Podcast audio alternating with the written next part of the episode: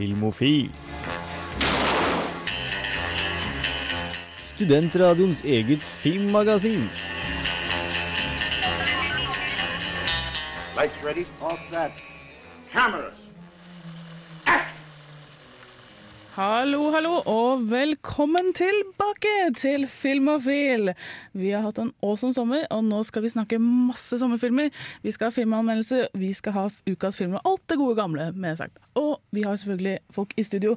Vi har med oss et, eh, en gjest fra eh, ja, et annet program. Bård Hestad, hallo. Hei, hei, hei. Direkte ifra Kontroll Alt Elite. Yes. Så har vi selvfølgelig også med oss eh, Camilla Klein her. Hello, you guys. Og jeg er selvfølgelig Kristine Eriksen. Han eh, Jens Erik. Han har eh, ja, forlatt oss, nei, jeg tuller. Han er på ferie i Tyskland og, og dekker eh, GameCon, er det vel. Gamescom. Ja. Yes, men eh, vi skal greie oss uten han.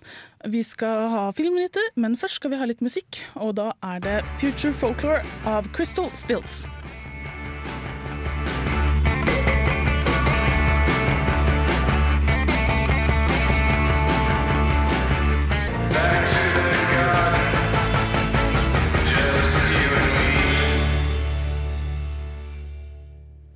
Ja, det var Future Folklore av Crystal Stilts, og du hører endelig igjen på Filmofil.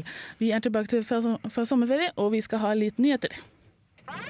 Filmofil gir deg nyhender fra filmen og fjernsynets i spanende vær. Og Camilla, du kan jo gå først. Yes. eh, det har jo vært mye som har skjedd i sommer, så det å skulle liksom oppsummere alt, det er jo vanskelig, altså. Det, det. Ja. Men uh, vi har noen nye nyheter som kan være interessant fordi dere som hører på det her, dere har kanskje en interesse for film og uh, følger litt med på egen hånd. De har greid seg uten oss. Ja, jeg tror det. jeg tror det. Uh, men nå er det da snakk om at det skal komme en eh, Rambo-TV-serie. Oi. Oh yeah. Hva føler vi om det her, folkens? Jeg tvil på Hvordan skal det bli en TV-serie, egentlig? Jeg skjønner det egentlig? ikke helt sjøl, men de har i hvert fall snakka med Sylvester Stallone om det. Og det, om han skal være i hvert fall en, en sånn kreativ rolle da, i utviklingen av det, så skal han også kanskje ta på seg bandanaen igjen og Hmm. ta på den gamle rollen. En liten del, i hvert fall. Det kommer ikke til å bli hovedrollen. Det gjør det ikke. Det høres litt uh, tvilsomt ut. Jeg vet ikke, Hva skal liksom ukas liksom, objekt være? Nei, Skal de liksom dra ut til et nytt ikke. land hver, hver uke og slåss, eller? Liksom? Ideen er, altså, ideen er ganske dum, egentlig. Fordi at eh, altså, det, om, om de skal få det til, så må de gjøre en sånn slags spenningsserie ut av det. Sånn, sånn à la 24, liksom. Noe sånn at de har et, Ja. et, et, Det er ganske lange episoder med et visst mål. Sånn at hver episode er en liten kortfilm, liksom. Ja, ja, vi får se åssen det blir. Ja, jeg tenkte jeg skulle snakke om en nyhet som skjedde i løpet av sommeren, men jeg syns vi bare må ta opp, og det er eh, Doctor Who-relatert. Det er vel ganske mange av eh, lytterne våre som kanskje, i hvert fall selv om de ikke ser på Doctor Who, så veit de nok om det pga. at folk er nære det, og da, Fansen har det vanskelig for å ta og holde stilt om Dr. yeah, I am guilty as charged der. Så jeg hopper rett inn i det. Og vi har selvfølgelig den store nyheten, da. Nå må dere, de som ikke vil vite det her, det er folk som ikke vil det, de, spoiler alert. Vi har fått en ny doktor, og det er selveste Peter Capaldi. Og for de som ikke kjenner han, så er han med i um, Han har faktisk vært med i Doctor Who før. Han var med i The Fires of uh, Pompeii. Den eh, første episoden hvor doktoren drar med Donna til Pompeii. Så der kan du se han. Og han er også selvfølgelig med i serier som The Hour, The Thick of It og eh, den veldig bra filmen In the Loop. Så der har du masse å ta hvis du vil eh, finne ut hvem han er. Og der er en ganske godt kjent for å bære faren til å være drittsekk og banne, som eh, høres ut som en interessant doktor. Ja, Både The Thick of It og In the Loop burde komme med svære advarsler. Her er det foul language til de grader. Og det er jo selvfølgelig mange som drømmer at doktoren skal bare regenerate og bare What the fuck is this? Liksom. Så det kan jo bli interessant hvis det, det blir førstelinja som doktoren. Jeg tror ikke det, da. Nei, vi er ikke så heldige. Men eh, ja. Hva, hva tror du om hans, liksom, hans versjon av doktoren? Kommer til å bli mer tullete eller mer seriøst? Jeg tror det blir mer seriøst, men jeg må si at jeg var litt skuffa over at jeg ikke gikk for kvinnfolk, sånn som eh, Ah. mange spekulerte i. Jo. Fordi at doktoren kan regenerere seg til andre kjønn. Og eh, det var ganske artig, egentlig. Det var en sånn eh, Red Nose-greie-sketsj lagd på 90-tallet. Ja, den har jeg hvor sett. den eh, tolvte doktoren faktisk var kvinnfolk. Og det var herlig. Det, ja, men jeg vet ikke, jeg tror, jeg tror også det blir gøy å ha en eldre doktor òg, så vi går liksom litt tilbake til røttene med, med et nytt fjes. Så vi får se åssen det blir. Og Bård, du ville snakke om en eh, ny film? Ja, eh, for sånn litt over ei uke siden, på D23-konferansen til Disney, så annonserte Pixar eh, en av de neste filmene de kommer til å lage, fordi at nå har de begynt å bevege seg ut av oppfølgerfasen som de har vært i i det siste, og begynner å lage mer originalt stuff. Og Inside Out virker veldig fresht og originalt for Pixar, fordi at det handler om det, det er på en måte en psykologisk versjon av jakten på nyresteinen. Alle Hjernen din blir liksom styrt av eh, fem forskjellige følelser. Det er sånn glede, sorg, eh, sinne og alt mulig rart. Og eh, glede og sorg eh, tar og forsvinner fra styringa til kvinnfolk om å ta og reise gjennom hele hjernen og komme seg tilbake, samtidig som de tre andre holder på å ta og styre henne. Bam, bam, Wow, bam. det, det, det høres spennende ut. da. veldig spesielt ut. Så skal vi, får vi bare se innvendig, eller får vi se hva hun gjør? Du ser også utvendig. Oi. Eh, Det det ble beskrevet en ganske kul scene hvor eh, mora og faren snakker med henne, og vi ser inni hodet til mora hvor de fem følelsene hennes prøver å bytte på eh, og styre og prøve å forstå den stakkars dattera, mens vi ser inni faren hvor alle fem følelsene holder på å ta og tenke på den hockeykampen jeg Genialt! Ja, men det, den ser vi alle frem til, Ja. tenker jeg. Yes. Planen er at den skal komme ut i sommeren 2015. Ja. Lenge til! Ja, det er kjipt. Men vi får smøre oss med tålmodighet. Vi skal ha mer nyheter etterpå, men først skal vi ha litt uh, musikk. Da skal vi høre på en låt som heter Snake Dog av eh, Together Pangea.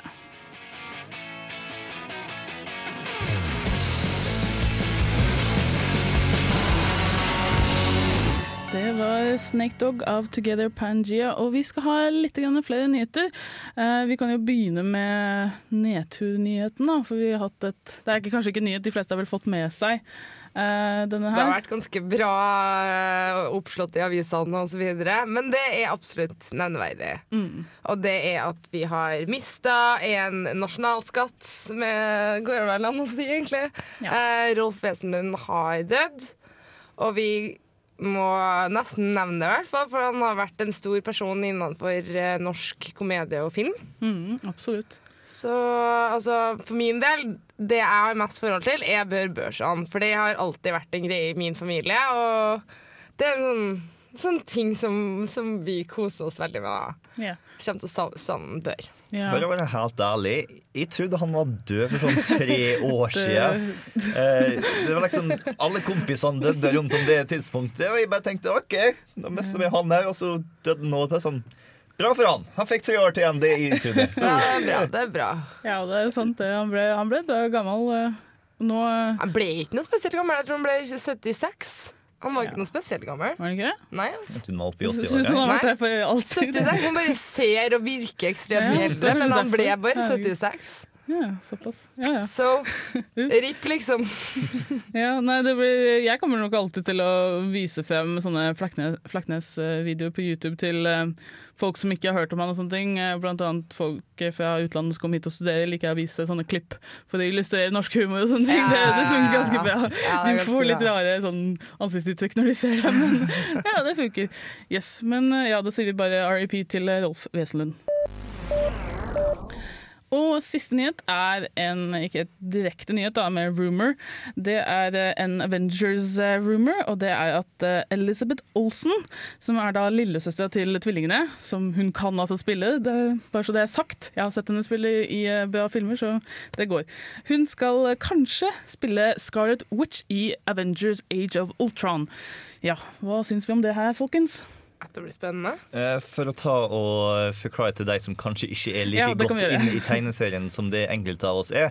Scarlet Witch er dattera til Magneto fra X-Men, eh, og eh, er tvillingen til Quicksilver. Eh, De var I starten av tegneserien var de skurker, men etter hvert så ble de sånn reformed og joina Avengers.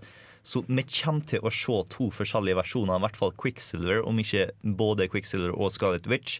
En i X-Men eh, Days of Future Past og en i Avengers 2. Å, Oi. spennende! Mm. Får håpe det ikke blir altfor mange sånne eh, feil i forhold til timelinen. At det blir jo hvis det er to helt forskjellige versjoner, eller skal de prøve å, å endelig ta en sånn svær sånn X-Men versus Avengers-opplegg? Det kan hende at de tar noe sånn uh, i Avengers At de tar noe sånn eh, tilbakeklipp, liksom. At du ser at de har Brit Reformed, at du tar liksom den og viser. Det kan være, men greia er at eh, Marvel har ikke rettighetene på X-Men. Det var ekstremt masse kontraktslagsmål som måtte til for at jeg skulle få lov til å ha Quicksilver og eh, Scarlet Witch i Avengers, fordi at det var såpass etablerte Avengers-medlemmer. Ja, okay. Ja, ja få se åssen det går.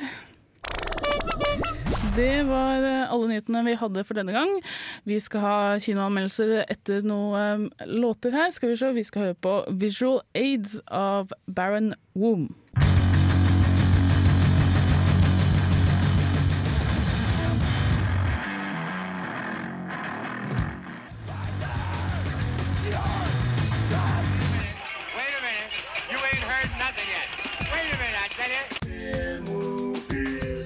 To.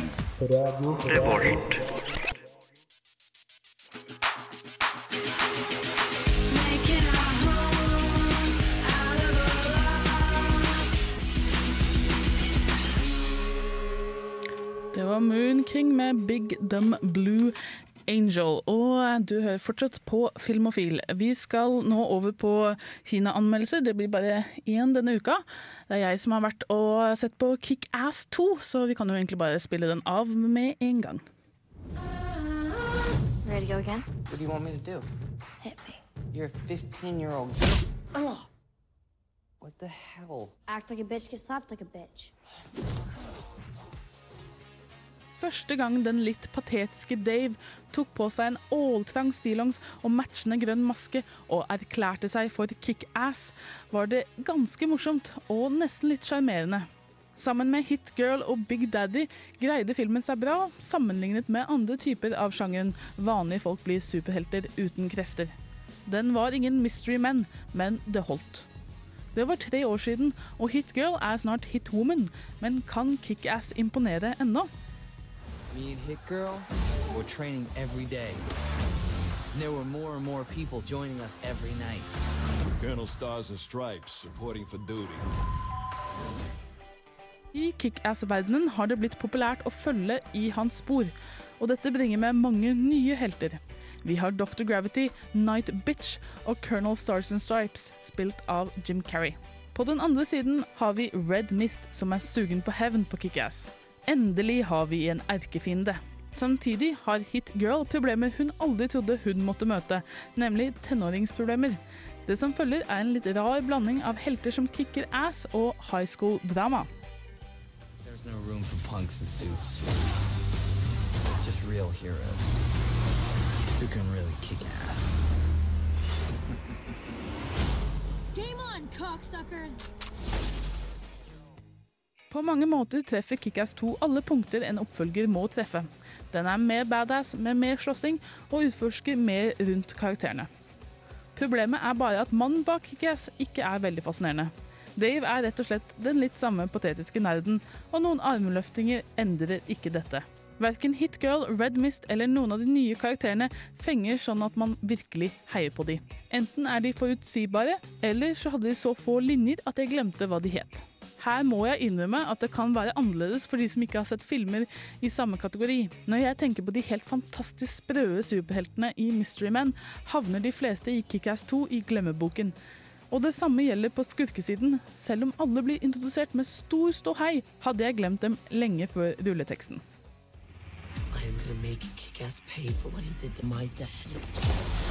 Henceforth, I'll be known as the motherfucker.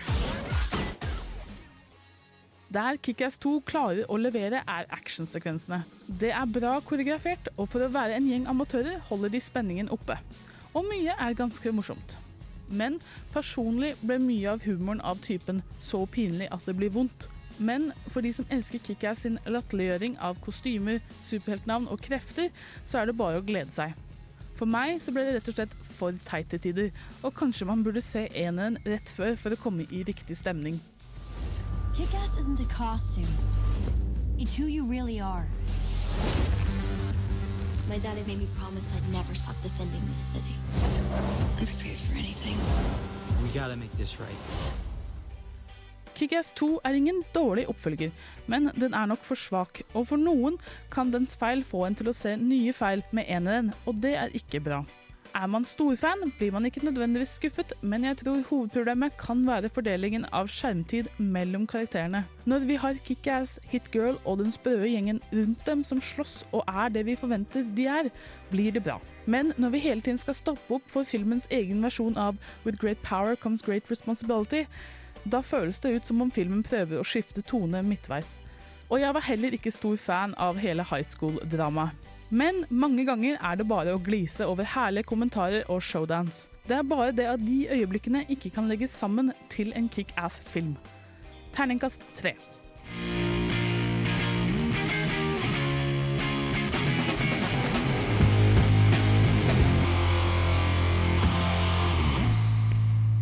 Der hørte du Loose Sut Sutures eh, av eh, Fuzz, og eh, der, et, før det hørte du på min anmeldelse av Kick-Ass 2. Så ja, det var jo en opplevelse, kan vi si, da. Var det det? Jeg gleder meg helt sykt. Jeg har jo ikke sett den ennå, og jeg syns Kick-Ass er en sykt kongefilm. Jeg elsker det, den hele latterliggjøringa rundt superheltkonseptet, og det at det Og så ble jeg bare så sykt blown away over den hardcore volden som bare plutselig kom med denne barnefilmen. Som jeg Det er følte at det mye mer vold nå, så det kan du glede deg til. Ja, vet du, men nå har jeg på en måte blitt interessert For første filmen, da var det liksom sånn Wow! Hva i alle dager, liksom? Det der var sykt! Men så det gleder jeg meg veldig til. Ja. Og, og det hele det at de liksom kommer med sånn punchlines og er, jævlig lame på akkurat det der, det syns jeg bare er awesome, egentlig. Altså, det er jo mye av det, men jeg tror også at, eh, at eh, ja, the novelty wears off etter en stund. Da, fordi Hitgirl er liksom ikke lenger så en, en Hun jentunge.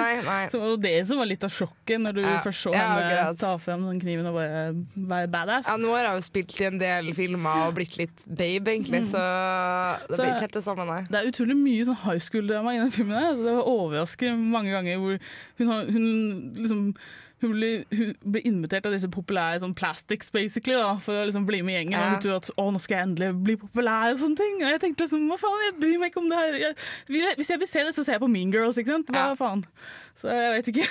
Det kan Nei. den delen kunne vært kutta litt ned på. Det kan godt hende, men uh, altså Ja, for filmen sin del så er jeg nok enig, men sånn i forhold til karakterene så er jeg nok en sånn helt naturlig vei å gå. Fordi at det er jo ingen som er 15-16 som ikke har problemer med det sosiale på skolen. sånn der, eller ikke, at det ikke er en stor del av livet deres, liksom. Jo, det så det er sånn sett Karaktermessig så er det nok en helt naturlig greie, men det kan at det ikke funker på filmen. Det, det, det vet jeg ikke ennå. Eh, Det største bekymringspunktet mitt egentlig for Kick-Ass 2 er den nye regissøren. Fordi at Kick-Ass 1 ble regissert av Matthew Wan, som også for øvrig regisserte X-Men eh, First Class, eh, Stardust og Layercake, og er kjempeflink på å ha Mm. classy action. Mm. Ja. Og eh, klarer den nye regissøren liksom lande på samme plass som det Matthew Wan klarte i eneren? Altså, det er ikke på samme nivå, det er helt klart. Men det, er, det, det er mange bra enkeltscener som du tenker åh, det, var, det var ganske badass. Eh, den liksom, siste store fighten, den tror jeg det kunne vært gjort mye mer ut av rent eh, altså Måten den er klippet og filma på. Men selve, selve koreografien syns jeg er veldig bra gjennomført. Så jeg vet ikke. Det, er- altså, det er ikke noe, det er ikke noe Kick-Ass 1, det er det ikke. Men hvis du er sånn super-Uber-fan, så tror jeg du bare, bare, bare blir glad at det, at det kom en oppfølger, Ja. tenker jeg da. Så Men, men igjen, det vi får nå se litt på det. Da, skulle si. Ikke at en oppfølger, men en annen film som har kommet i sommer av sjangeren jeg er veldig glad i, og den skuffa helt sykt. Men mer om det senere. Et kjapt spørsmål før vi runder av. Jim Carrey, hvilken versjon er vi fått? Er det den morsomme 90-talls Jim Carrey, eller er det ei senere litt flott Jim Carrey? si det, egentlig. Altså, det kan jeg si med en gang at at selv om du ser han på alle plakatene, så er ikke han en sånn stor rolle i den filmen. her. Eh, så du får veldig, sett lite av han, og og det du får se, er litt sånn Litt crazy Jim Carrey, men jeg føler at han, noen har putta en color på han liksom, for å rein him in litt. Grann. Eh, så han har liksom det som du alltid ser i alle reklamene. There's a dog on your balls. Ikke sant? Det er liksom det du ser, hører hele tida. Det, det er liksom den ene skikkelig badass linja han har i filmen. da Så Jeg hadde håpa liksom at det var The Mask Jim Carrey som vi så, egentlig. Nei, han er ikke så ille. For han altså. har gjort seg altså han, The Mask hadde gjort seg bra Ja, ja. i Kick-Ass, liksom. Eller The Cable Guy Jim Carrey. Eller han- Det hadde vært awesome. crazy fyr, Men faktisk. Han her skal liksom være sånn born again mafia-fyr, da så han, er liksom, han vil ikke at noen skal banne og sånne ting, så det er litt rart. Jeg vet ikke. Skeptisk, men ja, det blir interessant. Ja. Kick-Ass 2 jeg tror det kommer helt an på hvor fan du er av eneren. Så ja, da sier vi det. Vi skal ha, eh, vi skal ha ukas filmlåt, og det er du som har valgt ut, men det får dere vente på, for først skal vi ha litt annen musikk. Vi skal høre på På riktig av Adam, Adam Kanyama.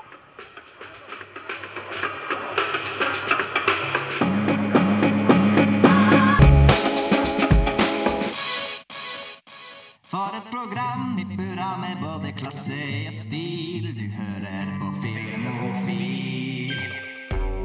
La música de Harry Fraud. Yeah. Irv.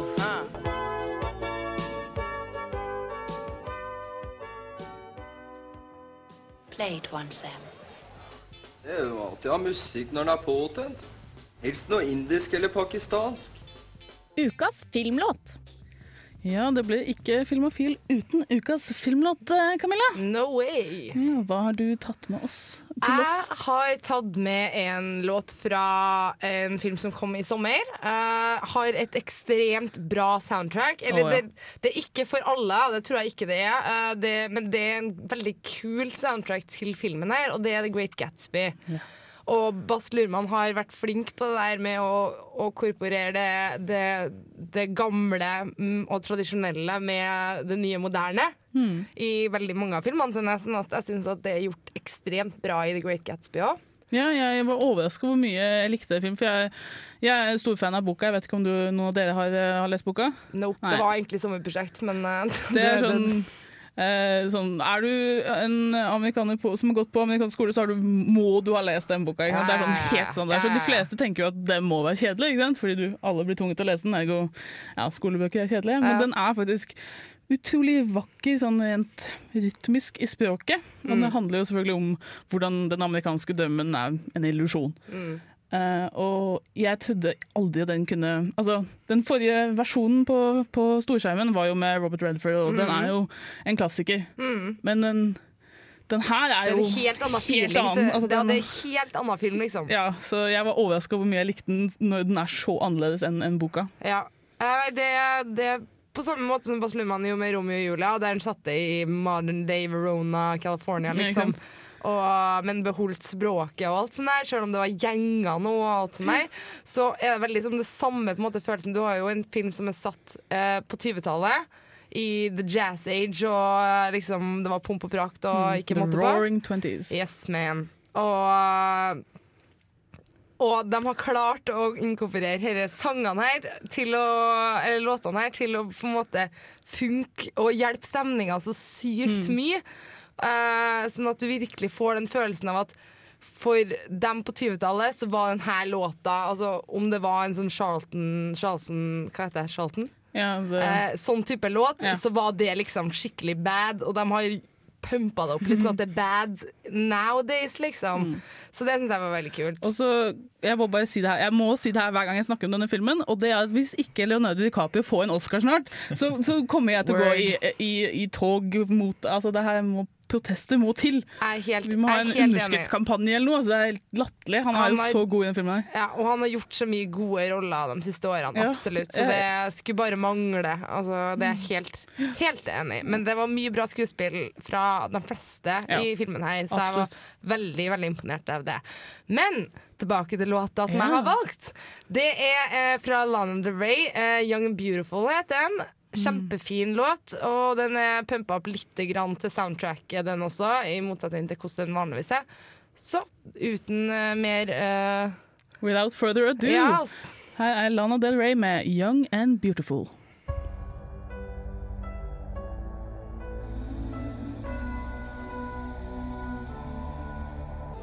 young and beautiful. Det var den utrolig vakre sangen 'Young and Beautiful' av Lana Del Rey. Og nå, det neste på programmet er sommerfilmer. Hva vi har sett, hva vi har likt, hva vi har hatt, osv. osv. Vi kan jo begynne, liksom, vi kan jo wind back the clock helt til starten av sommeren. Og da var det jo uh, Iron Man 3 som kom ut først. Den ble anmeldt for radioen, men uh, ikke alle her som har sagt sin eh, mening om den, så vi kan jo begynne med den. Vel, jeg jeg mener på at det kanskje er den beste filmen som har kommet ut denne sommeren. For jeg eh, absolutt elsker måten den filmen tok og viste at det er ikke drakta til Iron Man Mm. som gjør Iron Man til Iron Man, det er Tony Stark. Fordi at han var knapt nok i drakta. Han har på seg deler av den og Mm. improviserte så utrolig hardt og viste hvorfor han var badass. Og det er fordi at han er smart. Helt enig i det. Altså, det. Det var det kuleste når han lagde sånn derre Han MacGyvera seg Mm. inn i det der badass-komplekset, og, og han var åh, Da fikk jeg skikkelig sånn godfølelse i meg at åh, nå er Tony Stark the man, altså. Og ikke for å nevne den uforglemmelige Mandarin. Ja, jeg skal ikke gå herregud. gå altfor masse inn på det for de som ikke satt den ennå. Spoiler Men, eh, Da burde du pelle deg ut av huset og se den med en gang. Ah, fuck, jeg har jo ikke sett den ennå. Jeg vet, jeg vet, jeg vet. Jeg har bare ikke kommet rundt det. Jeg vet ikke helt hva jeg drev på med. Plut-. Plutselig hadde den forsvunnet fra kino, og da var det liksom bare sånn Ja ja, da får vi vente til den kommer på DVD, da. Ja.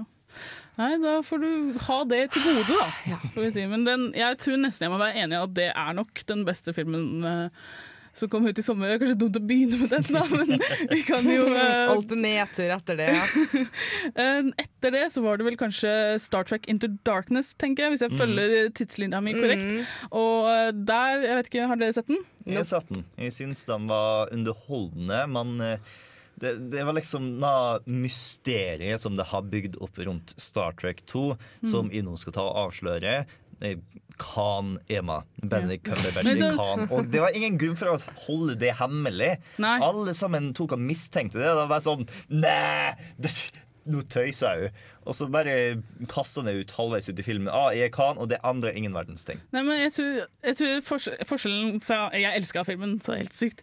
Um, og jeg tror forskjellen er at jeg så det som en litt sånn, bare sånn fanservice. Sånn, Hei, her, det her er Khan, det er dritkult. Men Kirk vet jo ikke hvem Khan er, så det har, selvfølgelig har det ingen effekt på han. Så det at når, når Benedict Cumberg sier 'I am Khan', så er det bare sånn 'oh, kult', og så kan vi move on. Så jeg skjønner ikke hvorfor folk skal hele tida henge seg opp i at dette her var noen sånn stor liksom, hemmelighet som skulle avsløre altså, Det er ikke noe twist eller noe. Mm. Det har ingen effekt på plottet. Fordi det er bare en sånn liten nod to the fans. Det var JJ Abraham som absolutt elska å ha sånne mystiske ting som Ja, du ikke vet før du latt være. kinosalen. Men det var egentlig et mysterium. Altså, hadde han bare, bare sagt det med en gang, at Benedict Cumberbatch skal spille Khan, så kunne vi begynt med liksom, John Harrison, og folk hadde tenkt hvorfor sier de John Harrison, skal vi ikke se Khan? Og så når han endelig sier I am Khan, så bare å ja, ok, han er Khan. Så hadde vi kunnet liksom, move on with our lives. bare, ja, men det er et uh, tolkningsspørsmål. Da. Jeg fulgte kanskje ikke så mye med på hele den der oppramsinga til filmen, så jeg fikk ikke med meg at det var noe stort hemmelig. Så, men jeg syns filmen var awesome. ja, så til summarize Du elska filmen, Ja. Kristine. Ja, den var action-packed fra start til finish. Jeg føler liksom at eh, JJ Abrams At han må ha ringt meg en eller annen gang i løpet av natta når jeg var litt sånn halvsøvnig og spurt meg åssen Star Trek-film jeg ville ha, og så har han lagd akkurat den. Så det er egentlig det han har gjort. Og du syns den var Jeg syns den var go grei. Den mangla litt sjarmen som den første Star Trek-filmen til JJ Abrams har, men det var ikke bortkasta tid, for å si det sånn. Nei. Og Benedict Cumberbatch var awesome, som Benedict Awesome. Cumberbatch alltid er. Jeg gleder meg er masse til å se eh, Litt sammenligna med de andre skuespillerne, så var han sånn skikkelig stor og Shakespearean, og Ja. andre var litt sånn goofy, egentlig. Ja, det var litt sånn ja, Hvorfor? Det er en sånn grunn til at engelskmennene blir villains. Mm. Der har du det ultimate eksempelet. Så skal vi se. uh, skal vi ta én film til? Ja. Da er det neste, hvis jeg ikke husker riktig, Man of Steel. Mm. Den så vi alle sammen, faktisk. Yes. Så eh, jeg syns den var awesome. Ja, det er jeg enig i. Det var en god del folk som synes at Man of Steel var ganske teit, men Mm. jeg likte. Jeg likte de trege bitene til meg, fordi at det var den eh, Supermann-filmen jeg var forberedt på å se. Jeg har lest en god del om den og visste at eh, denne filmen kom til å ta for seg hvem er eh, Clark Kent slash Kal-El slash Supermann. Er han menneske? Er han kryptonien? Mm. Hvor hører han hjemme? Mm. Kan menneskeheten stole på han når han er det sterkeste i universet? Liksom, den scenen hvor han har på seg arm... Sånn ting som ikke jeg husker akkurat nå. Eh, armlenka og bli geleidet rundt av soldater. Ja. Du vet at hvis han Hmm. bare hadde brydd seg litt mindre, så kunne han bare brukke løs, knekt nakken på alle sammen og flydd vekk. Men han er Supermann. Derfor gjør han ikke. Nei. Det eneste som jeg syns er litt irriterende med filmen, bitte litt, er det at, at uh, Jorel som sier hele tida at å, du, er din, du er den eneste kryptonien som har helt fri vilje. ikke sant? Men så sender den til jorda med en spesifikk rolle i, i hodet. ikke sant? Du har fri vilje, men du må dra til denne planeten for å være akkurat det jeg sier du skal være.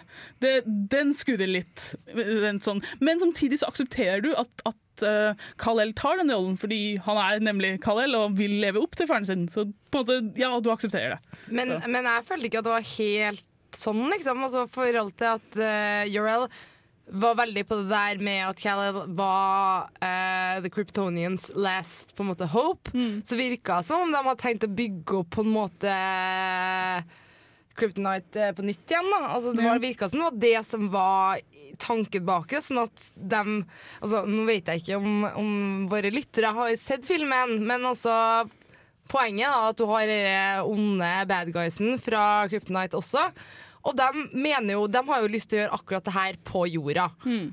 Eh, mens det kan jo ikke Supermann gjøre fordi at han er Supermann, og Ja. han har samvittighet i forhold til det, er altså, menneskene som har vokst opp med og alt sånt der. Men, men altså, jeg vet ikke, det, det virka som om det var planen hele tida, egentlig. Fra your, nei, eh, Yorel sin, sin, sitt perspektiv, på en måte. Nei, jeg tror vi alle likte den ganske bra. Så eh, ja, da, da ser den også ja, Så langt alle filmer er verdt å se. Eh, vi skal ha litt eh, mer musikk før vi går videre. Vi skal høre på En gang av skal vi se, Ja, Ni og Onkel P. En gang. En gang. En gang! Roads? Where we're going, we don't need roads. Du hører på Filmofil på Radio Revolt.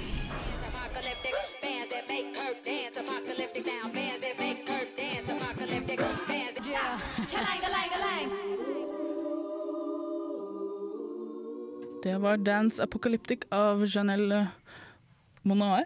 Tror jeg. jeg gjetter det. Jeg er så dårlig til å si disse navnene. Eh, vi skal snakke mer om hva vi har sett eh, denne sommeren, og vi fortsetter eh, The Blockbuster Tour, tenker jeg. Eh, etter Skal vi se, hvor var vi igjen, da? Vi var på Man of Ja. Steel. og etter den så kom det vel World War Z, tenker jeg. Jeg har en følelse av at den, den kom av. Høres. Den har jeg sett. Har dere fått med det? Yes, Jeg har ikke tatt og satt filmen, men jeg har lest boka, og jeg elsker den boka. Ja, da må jeg dessverre si at den ligner ikke på boka i det hele tatt. vet, dessverre. Dersom den boka skulle blitt adaptert eh, ganske tro, så har det vært en kabel-TV-serie eh, som er en blanding av eh, Band of Brothers og The Walking Dead. OK, da er det ikke den filmen jeg har sett. Men les boka, den er fantastisk god. Den bryter ned hvordan de forskjellige plassene i verden har reagert på en zombieapokalypse. Og f.eks. for eksempel hvordan Iran og Pakistan havna i krig pga. det. Pga. at de ikke har samme forhold som det Iran og India har. Ah, okay. Shit. Ja, det, er- det er ikke så mye. Det er litt av det at du har forskjellige land og han må reise Forskjellige reaksjoner i forskjellige plasser det. Mm. Det må, altså, vi kan jo si da at jeg likte den ganske, ganske mye. Jeg var overraska hvor, hvor mye gøy jeg hadde i løpet av den filmen. Mm. For jeg, jeg tenkte at nå må jeg være oversaturated av disse zombiefilmene. Uh, det er egentlig ikke zombier, de sier aldri zombier i filmen. Så. Men den ja. Jo, de sier, de sier zombier, men de, Jo, de, de, de bare kaller no, Ja, en de er litt- infected. Ja. Ikke sant? Det er, altså, de sier jo zombie i én sånn scene, da, hvor de Mm. liksom, liksom The word zombie was being used. Og, Ja, det var en big deal. Ja. Da. Eh, men den var, den var full av action, men også veldig mye sånn genuin følelser, syns jeg. Og det er kanskje Brad Pitt som er enda en god skuespiller. Ja, jeg syns den var dritbra. Jeg er ikke noe zombieperson i hele tatt, liksom. Jeg er drita lei av både zombier og vampyrer, egentlig, så jeg jeg har blitt fed up. Men eh, jeg likte den veldig godt. Og så som det de trekker ut fra boka, som de gjør riktig, i motsetning til veldig mange andre zombiefilmer, og alt sånt der, er at det skjer ikke bare i USA. Det, det, det går utover andre plasser i verden. Og løsningen fins ikke i USA. Og løsningen Nei, og det, og det ble heller ikke i utgangspunktet brutt ut i USA. Altså det var liksom det der Vanligvis så, så står det og faller på USA så Mm. ekstremt mye, men det at du bare måtte til andre deler av verden for å få has på det her, og at det ikke var noen russere som var bad guys, eller noe sånt, noe, liksom, det, det hjelper veldig på troverdigheten, syns jeg. Jeg fikk liksom følelse at det her var en sånn actionversjon av den filmen 'Contagion', som kom ut for eh, Ja. et par år siden, kanskje. Hvor hele den prosessen med å infekte folk virker veldig sånn realistisk, og det gjør at du får en veldig mye høyere creep factor enn for eksempel generelt sånn For eksempel så, øh, jeg på en sånn 28 Days Later, hvor liksom, Mm. Du har liksom ikke sett hvordan folk har blitt liksom, måttet bli tvunget til å overleve. Du har liksom hoppet over den delen. Men her, den derre- når de først skjønner at oh shit, det her er mer enn bare en vanlig sykdom, da får du sånn oh Og så er det dritcreepy, liksom. Det er, altså, det er bra zombie, Mm. altså, zombier. Nå bruker jeg det ordet litt løst her, men ja, de er dritcreepy. Og jeg kan bare avsløre i hvert fall at jeg pleier ikke å bli freaka ut så veldig mye når jeg er på kino, men hvis noen sprang forbi meg når vi gikk ut av kinoen, kinoen etterpå da, da freaka jeg ut, liksom. Jeg bøyde meg, og var liksom, jeg prøvde å gjemme meg. Og, og shit, og når, så kom jeg ut i gata, og da er jo studentene helt gærne og springer rundt overalt. Og jeg bare 'herregud, de kommer og tar meg!' Det var helt sykt, faktisk. Ja, men da anbefaler vi den også. Ja, absolutt. Eh, Så kan vi jo prøve på en som kanskje vi ikke skal anbefale like høyt, og det er The Wolverine. Den Ja, den har visse punkt som er OK. Jeg likte Wolverine. jeg. Det? Jeg- jeg- Slutten så datt den sammen. Ja. Man eh, Wolverine som har eventyr i Japan. Det. Det var en kul film. Ja, men det er en actionfilm, da. Det er ikke noe X-Men-relatert. Og jeg hadde kanskje ikke gjort bakgrunnskunnskapen min riktig, men jeg forventa en, ja, en, en X-Men-film. Og jeg ble kjempeskuffa. Jeg ble skuffa av alt unntatt slutten. For det var det Altså, eneste som det var som var i X-Men. rulleteksten, mener jeg. Ja, ja, ja. Jeg mener den slutten hvor eh, hvem som er den Ja, ordentlige ja, ja, ja. Ja, Men det var veldig Japan, da, hvis du skjønner. Ja, Du må, du må se filmen bare for å se sluttscenene. Altså, det er en Marvel-film, så da, Ja. da Men altså, ja, etter rulleteksten så kommer det et moment Ja, som er det veldig. Veldig X-Men, og veldig Gud, jeg gleder meg til neste X-Men-film. Man er bare glad for at vi har kommet så langt med superheltfilmer. At vi har en film som ikke er en origin story. Det er ikke en Mm. direkte oppfølger, det er ikke en prequel. Det er bare du kjenner til Wolverine, i dag skal Wolverine ut på eventyr. Ja. Se Wolverine gå på eventyr. Helt enig. Det, men det var så mye problemer med hva egentlig motivasjonen er til de forskjellige, at jeg satt hele tida og lurte på ok, hvem er det som egentlig tjener på det her. Og da faller den sammen. Men eh, ja, den er verdt å se. Vi kan si det. Så eh, OK, du syns ikke jeg vil se. Vi to syns den er verdt å se. Yes, eh, Vi skal snakke enda mer om hva vi har sett om sommeren, både filmer og TV-serier, men først skal vi ha litt mer musikk. Da skal vi høre på Am- Amurda av OK. murder! A Bounty Killer.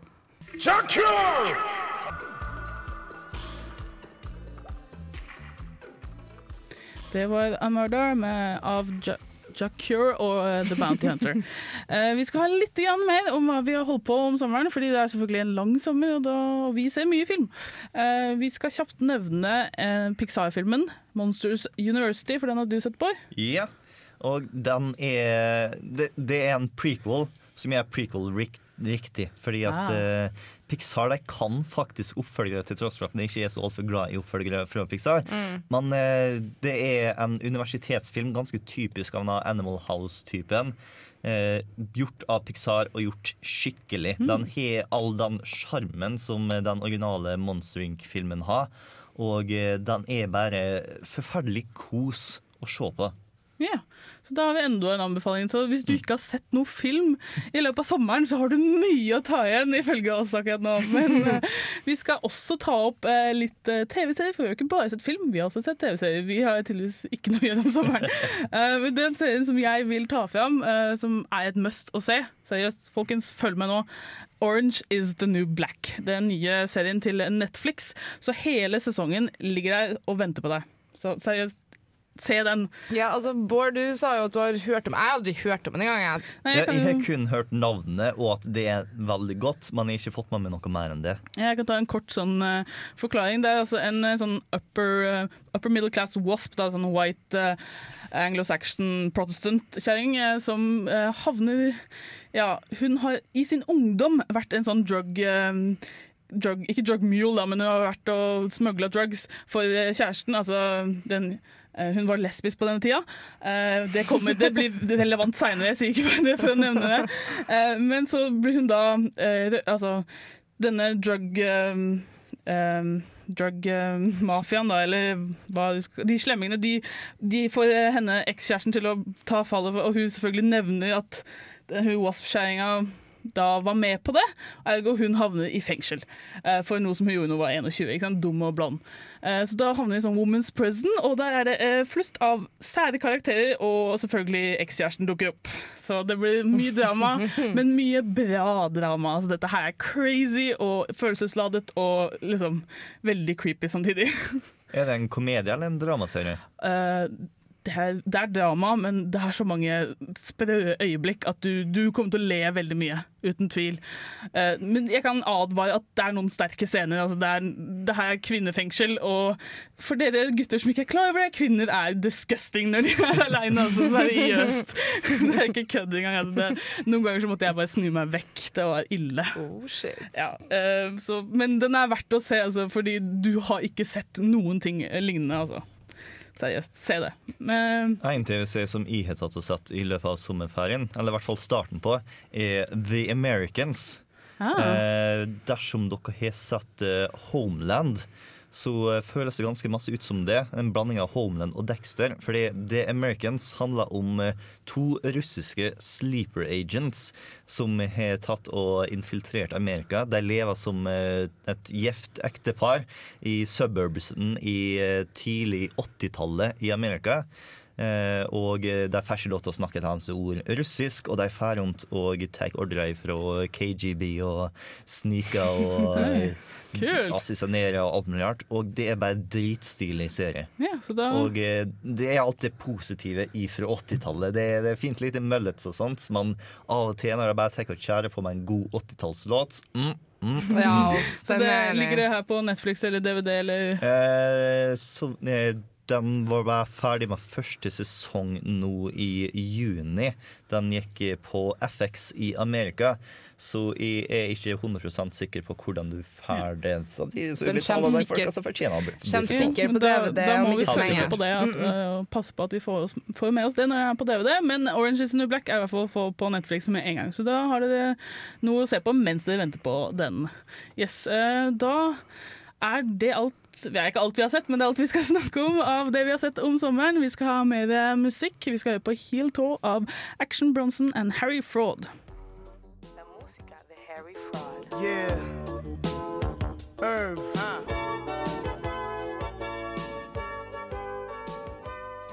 Hei, jeg er eh, Agnes Kittelsen, Og jeg er Aksel Henning, og det er viktig at eh, dere hører på Filmofil. filmofil.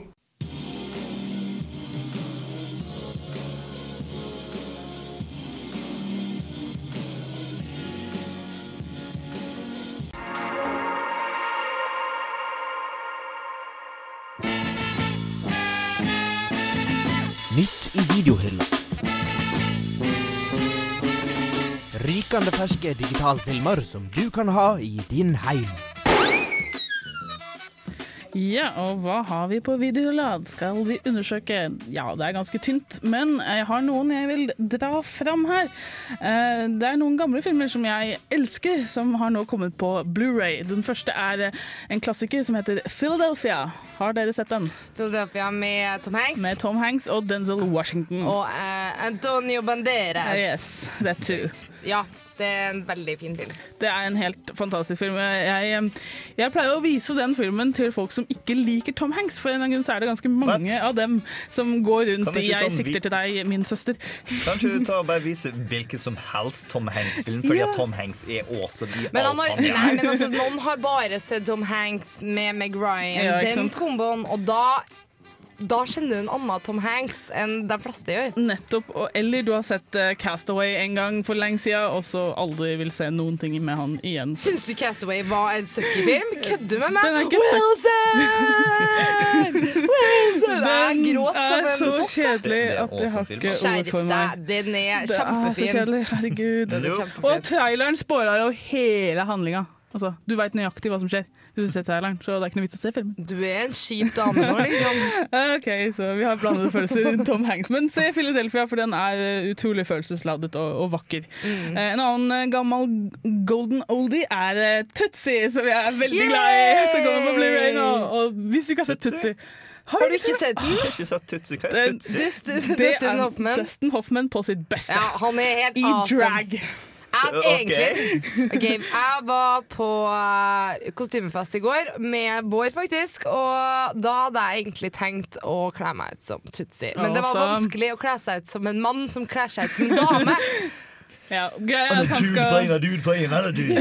Vi kan si litt for de som ikke vet hva Tutsi er. Han får sparken fra et, eh, et sånn soap opera og vil på, på TV igjen, og derfor kler han seg ut som en dame, fordi de, han vet at det skal være en ny karakter som skal være kjerring, og så blir den supersuksess, og så er han awesome, og det er dritgøy. Og jeg så, har sett den filmen så mange ganger, for jeg var bitte, bitte liten. Det er litt creepy når jeg tenker tilbake på det, hvorfor jeg det, og likte Dustin Hoffman i drag da jeg var så liten, men ja, eh, den er absolutt verdt å se. Eh, Ellers er det ikke så mye. Det er mye sånn eh, Albert Aaberg og Baby Buds Bunnies og sånne ting. Og så er det en versjon av Great Expectations som jeg ikke har sett. Og jeg tenker den er helt lik som alle andre versjoner av eh, Great Expectations, så vi kan nok hoppe over den. Og så er det én film til. Den skal vi snakke litt om etterpå, for den eh, kom ut for ikke så veldig lenge siden. Så før det så kan vi ta litt mer musikk, og da skal vi høre på Sixth Street av Ty Segal.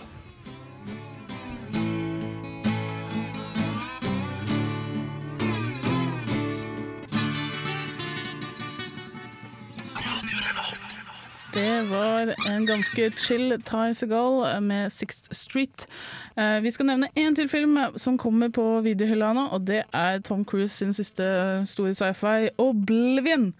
Jeg vet ikke om dere to har sett noen ting om den? Snakka med Elder Scrolls Oblivion. Oh, you wish. you wish, my friend. Nei, vi snakker om sci-fi, Tom Cruise uh, flying around uh, Ja. Nei, Looking det- at, uh, destroyed shit. Nei, jeg er blitt så sliten av Tom Cruise. Et eller annet enn til sci-fi med han, det gidder jeg ikke. Nei, ikke i det hele tatt? Ikke litt engang? Jeg har ikke engang engasjert meg nok til å faktisk finne ut hva Altså Det kan godt hende at det er en bra film, jeg bare har ikke vært der i hele tatt. ass Det er faktisk en eh, science fiction Tom eh, Tom Cruise-film på vei som jeg har litt lyst til å se. Som er en sånn eh, futuristisk krigføring møter Groundhog Day. Oi, så han tar og uh, What? gjenopplever den samme slaget over og over Shit. igjen. Og så plutselig så møter han ei dame som også kan ta andre ting. Det hørtes awesome ut, Mm. faktisk. Eh, når det gjelder Oblivion, så kan dere høre på hva jeg hadde å si når den først eh, kom på kino, så da spiller vi av den anmeldelsen.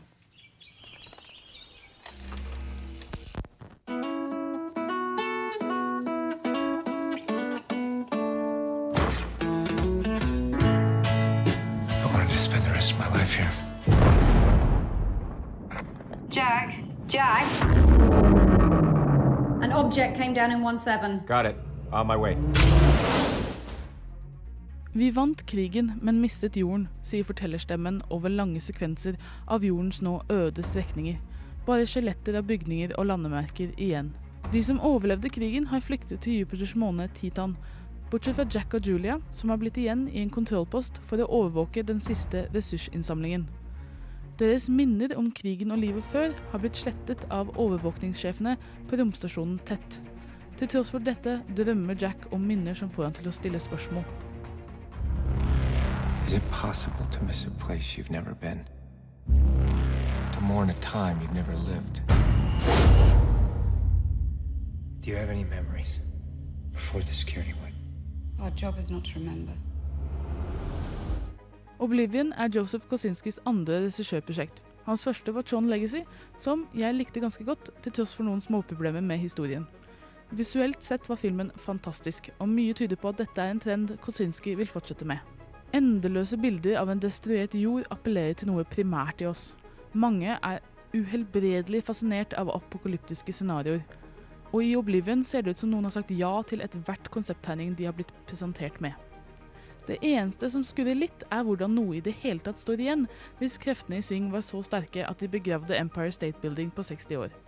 Tragisk vakkert er det uansett, og det er nesten synd filmen ikke er i 3D. Day 1644, Tower 49, this is Mission Control. How y'all doing this lovely morning? This is Jack Harper. I'm good to go. Are you an effective team? We are an effective team.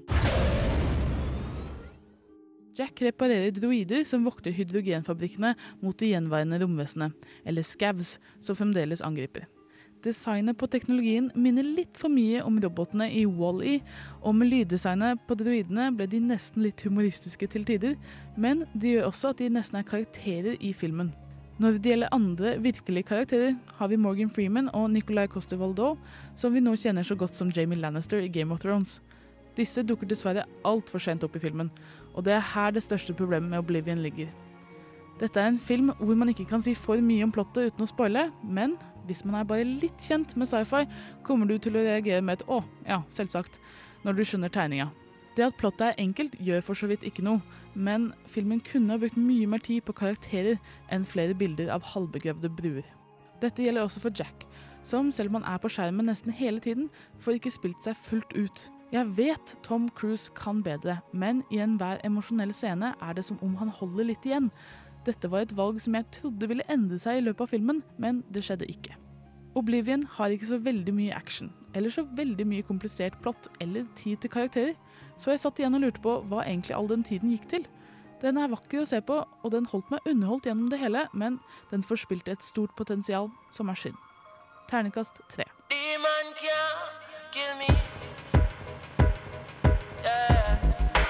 Can't kill me again.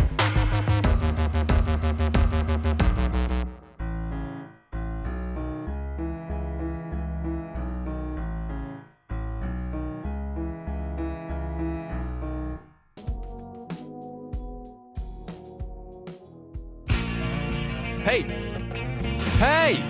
Det er ikke 90s sitcom-flashback. Ta og Skru på noe annet. Ja, bedre, men prøv igjen. Der, ja!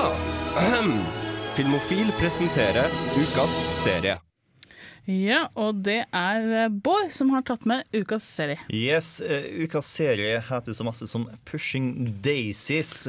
eh, og gikk på TV i sånn to sesonger på 13 episoder tilbake på midten av 2000-tallet. Og eh, ble kansellert. Jeg har en forkjærlighet for kansellerte TV-serier. for en grunn. Og Pushing Daisies er av den typen som jeg virkelig skulle ønske ikke ble kansellert. Fordi at det er slik en koselig, quirky mordmysteriumserie.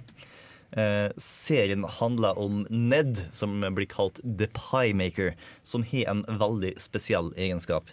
Eh, når han tar og berører noen som er død, så vekker han dem til liv igjen. Dersom han tar og berører deg en gang til, så er jeg død, og de er døde for alltid. Ok, det her høres ut som en episode av Torchwood, bare så det er sagt. Eh, dersom eh, han eh, ikke tar og dreper den personen vekk til live igjen innen ett minutt, så vil noen andre dø i deres plass. Oi. Og han kan fremdeles ikke røre den personen som han tok og vekket til live.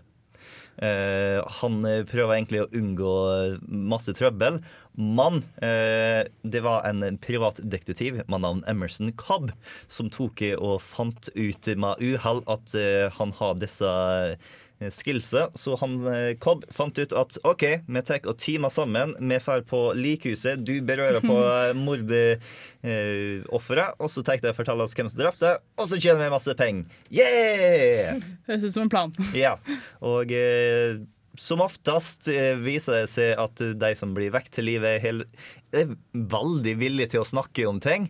Men de er aldri spesielt klar over hvem som drepte. Men det er veldig hjelpsomt å vite hvordan de ble drept. og alt mulig rart. Men det som er også veldig interessant med denne serien her nå, er kjærlighetsforholdet.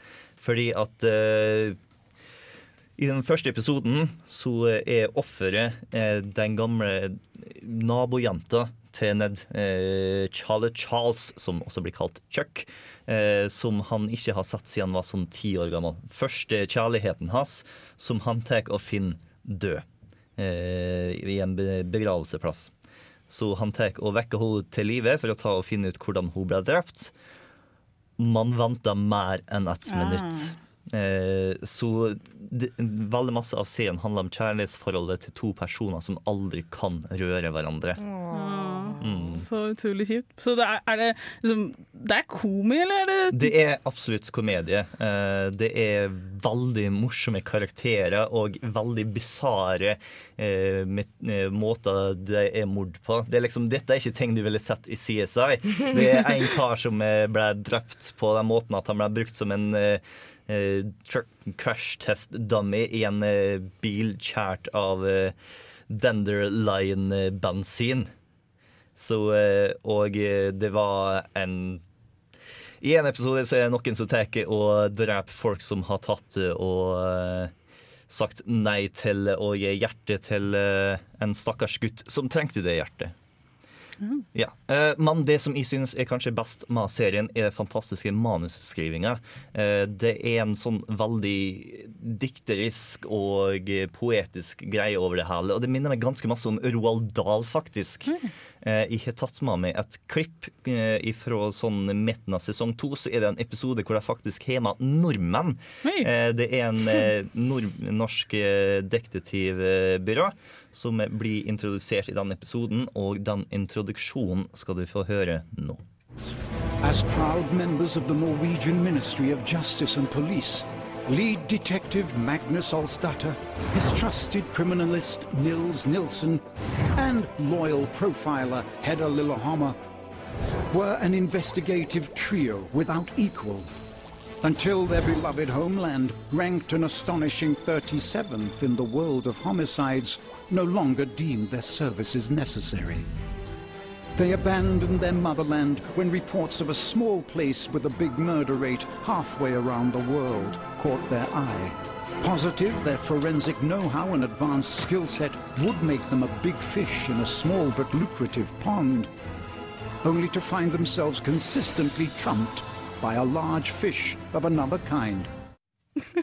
Det var, hørtes jo helt fantastisk Ja, det, det er veldig eventyrstil over det hele, og det er bare rett og slett en koselig serie å se på, til tross for at du har enkelte scener hvor folk har dødd på ekstremt forferdelig måte. Uh. Våkner til livet og bare sånn Hei, hvor er jeg kan jeg snakke? Ok, Oi, shit, vi har bier i lungen alt mulig rart fordi at de ble drept av 1000 bier. Oi da. ok, den er kjip. Så det er ikke bare Frida-gammen. Ja, eh, serien ble skapt av Brian Fuller, som eh, tidligere har lagd Dead Like Me, som en Ah. annen quirky serie, og som for øyeblikket lager noe i en helt annen vri, som er Hannibal.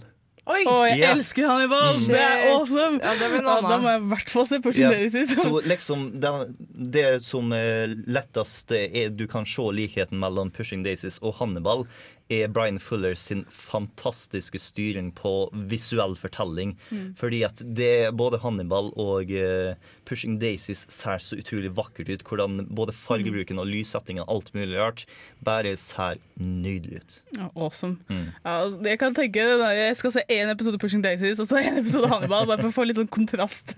Det kommer nok til å være en ganske stor kontrast. For de som ikke vet det, så er Hannibal-serien som nettopp handler om eh, Hannibal Lekter, og den er ganske grusom rent eh, visuelt. eh, Så begge to kan egentlig anbefales der. Mm. Ja. Yes, men da, da tror jeg vi alle skal se Pushing Daisies. Eh, Den er, på, er den på Netflix eller noe sånt nå? Jeg tror faktisk den ligger ute på Netflix, men jeg skal ikke si det for sikkert. Ja, men vi- da krysser vi fingrene for det, og vi ser masse på det. Eh, nå skal vi høre litt mer musikk før vi snart er ferdig for årets, årets semesters første filmofil. Vi skal høre på On and On av Snake Hips.